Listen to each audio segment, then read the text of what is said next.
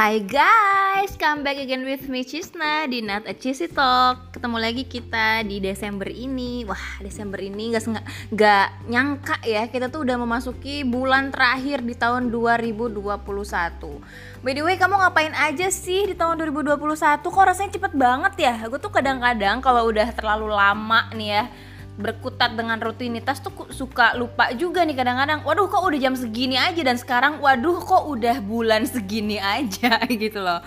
Kok cepet banget ya waktu ini rasanya berlalu. Jadi pandemi ini hampir mau 2 tahun ya guys. So mudah-mudahan tahun depan getting better apa pun dari segi apa pun dan dari segi uh, fisik dan juga mental gitu ya mental health. Nah ngomong-ngomong tentang mental health nih guys cie gue mau ngomongin tentang kenapa sih datang ke psikolog itu penting gitu ya bisa aja ya nyambung ya jadi untuk podcast kali ini gue pengen banget nih untuk uh, spread a lot of awareness gitu ya tentang how important to go to psychologist gitu. Kenapa sih pergi ke psikolog ini penting? Kenapa sih kita harus ke psikolog gitu?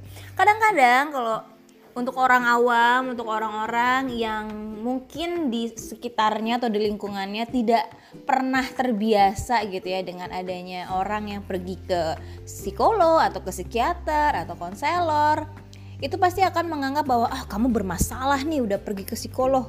Ngapain sih kamu? Tuh kamu biasa-biasa aja deh nggak usah lebay gitu kan. Nggak usah lebay mikirin masalah tuh dikit-dikit psikolog. Apaan sih psikolog? Itu tuh buat orang gila. Nah hati-hati banget ya.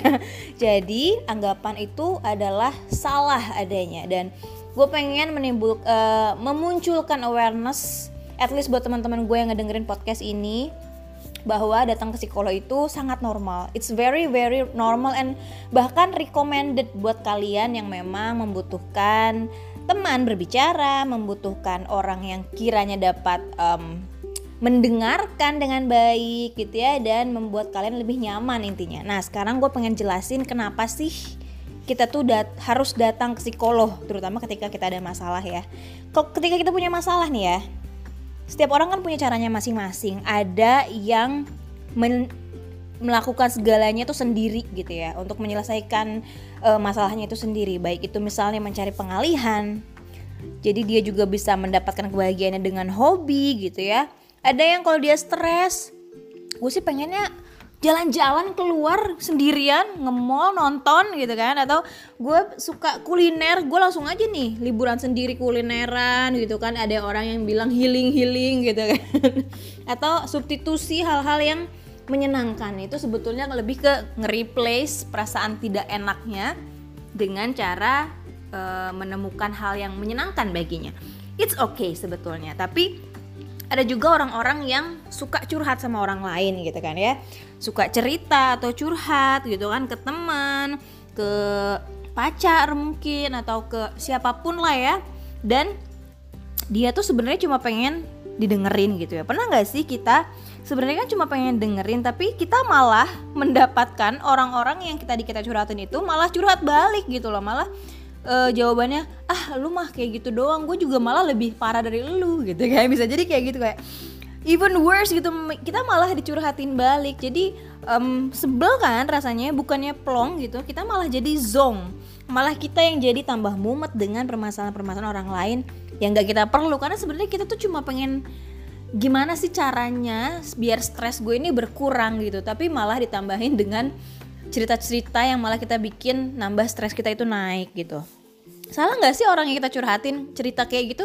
Yang nggak salah juga sih sebenarnya. Kita nggak bisa nyalahin 100% karena sebenarnya dia itu nggak punya kewajiban buat menerima keluhan kita gitu ya menerima keluhan dari orang lain.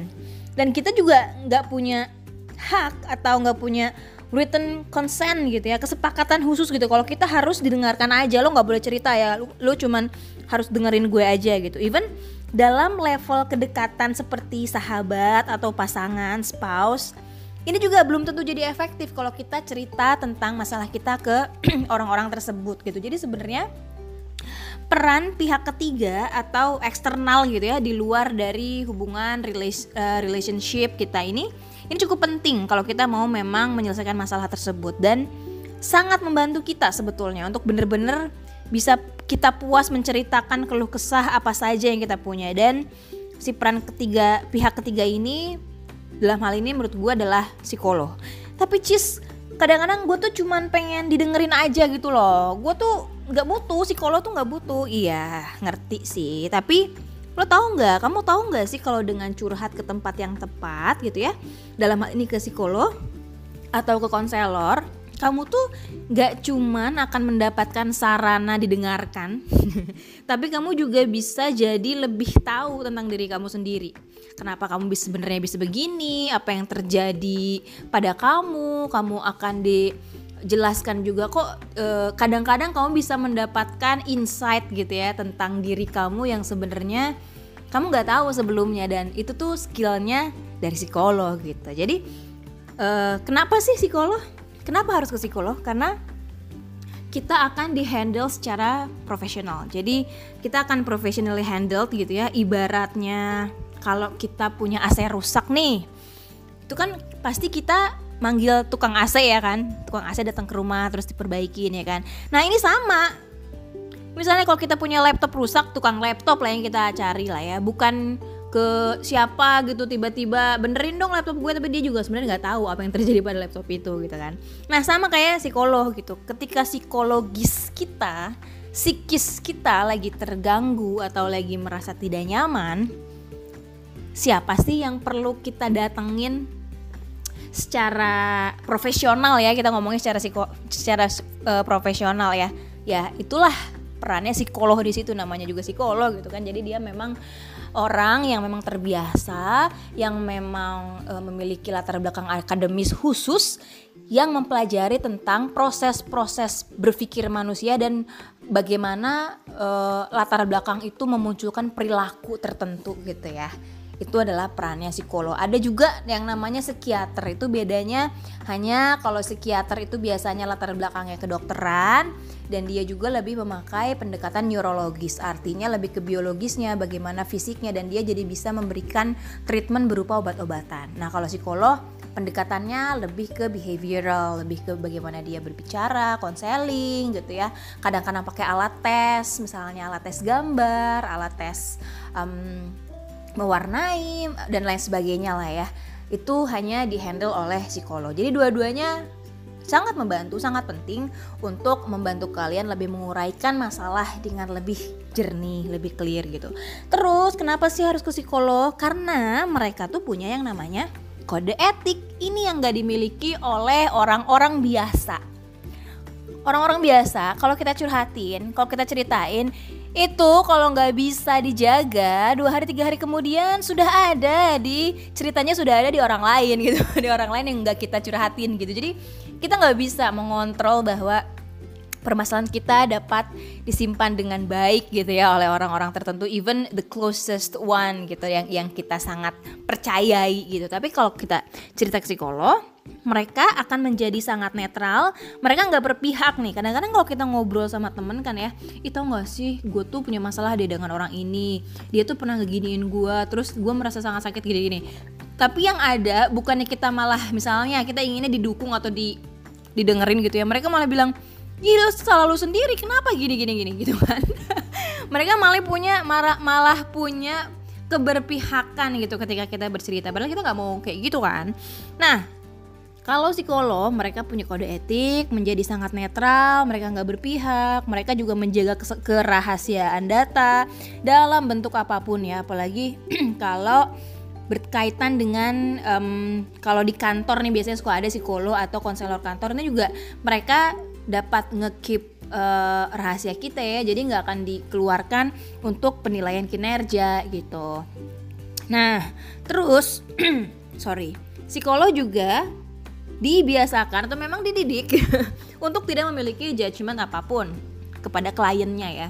Jadi ketika kamu punya masalah seberat apa pun dan kamu merasa bahwa kamu bersalah sangat berat, sangat berdosa misalnya gitu ya atau sangat menjijikan apa pun, semenjijikan apa pun no matter what you did, we won't judge you. Because we don't have to.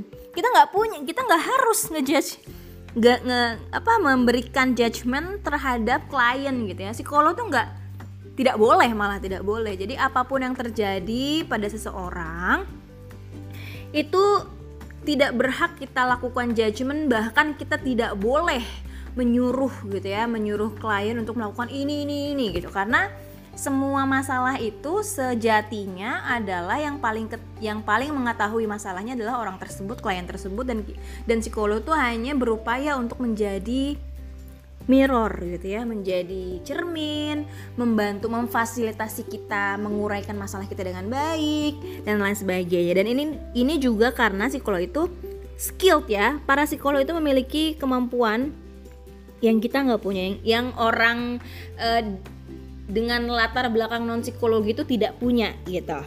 Jadi ibarat cermin gitu ya psikolog itu mampu untuk menceritakan dan memvalidasi perasaan-perasaan kita gitu.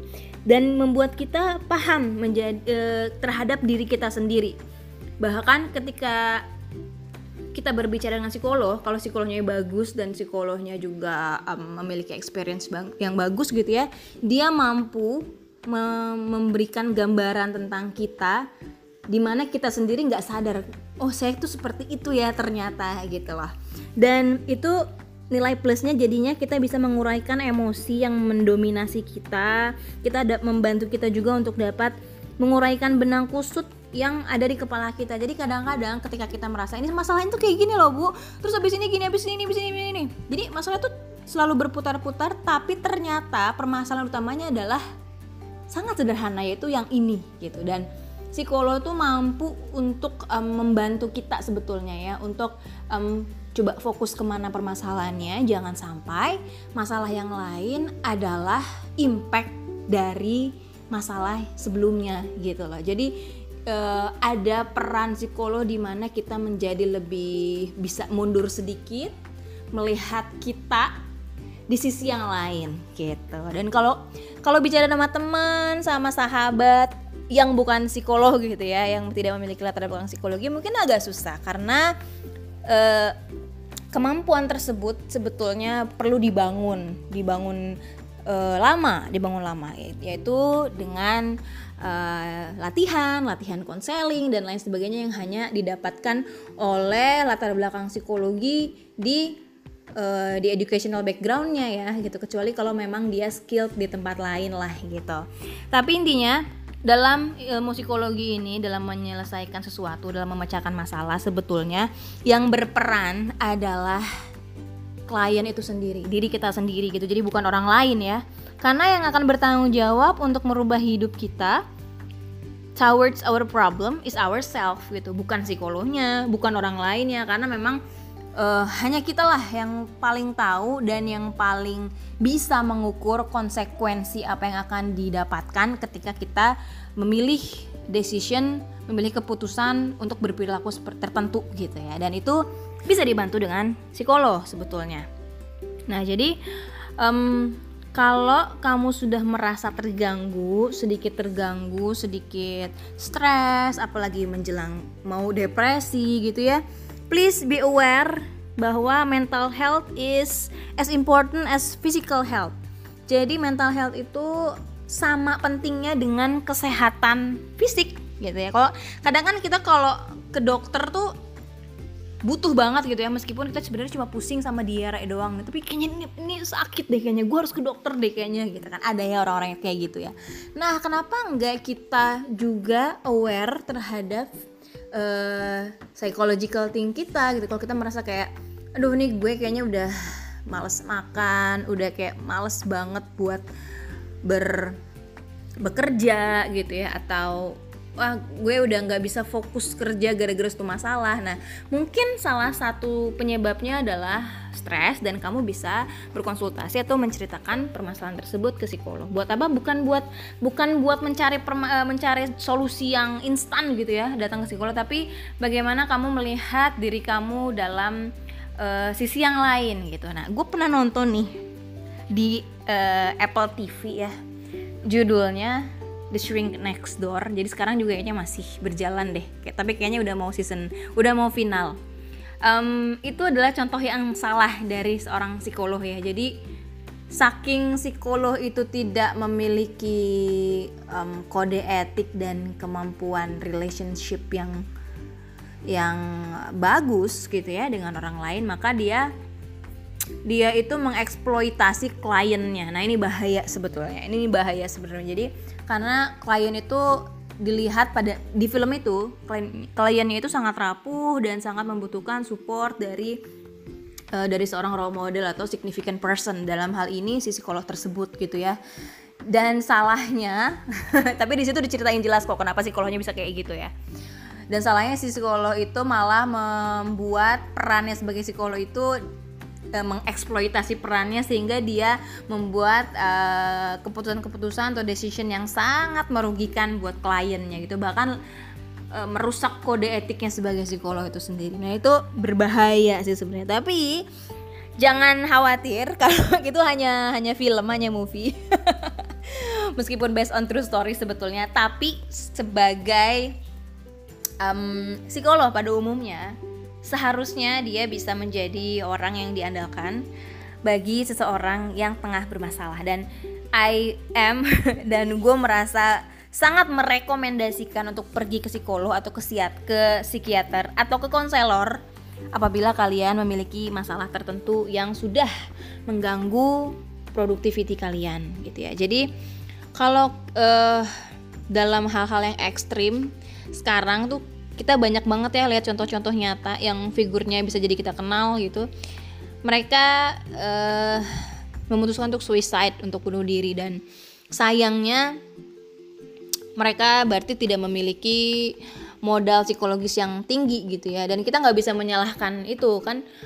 Masing-masing punya modal psikologisnya kuat atau rendahnya kan ada gitu ya modalnya dan modal psikologis udah gue udah gue coba jelaskan di podcast sebelumnya ya. Coba yang belum silakan mendengarkan biar bisa belajar gimana cara ningkatin modal psikologisnya masing-masing.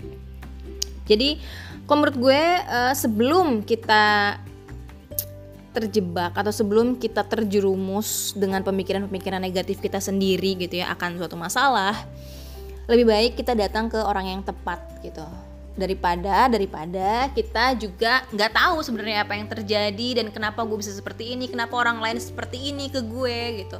Ada loh di sana di dunia ini yang namanya psikolog.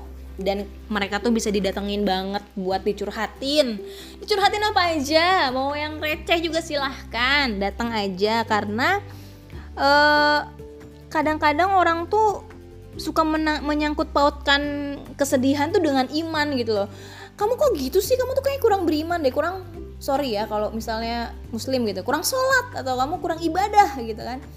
Sebenarnya ada hal-hal di luar sana yang gak cuman menyangkut tentang iman tapi bagaimana seseorang itu uh, resilience-nya gitu ya ketahanannya vulnerability-nya terhadap suatu masalah gitu. Dan itu semua bisa kita perbaiki bersama-sama.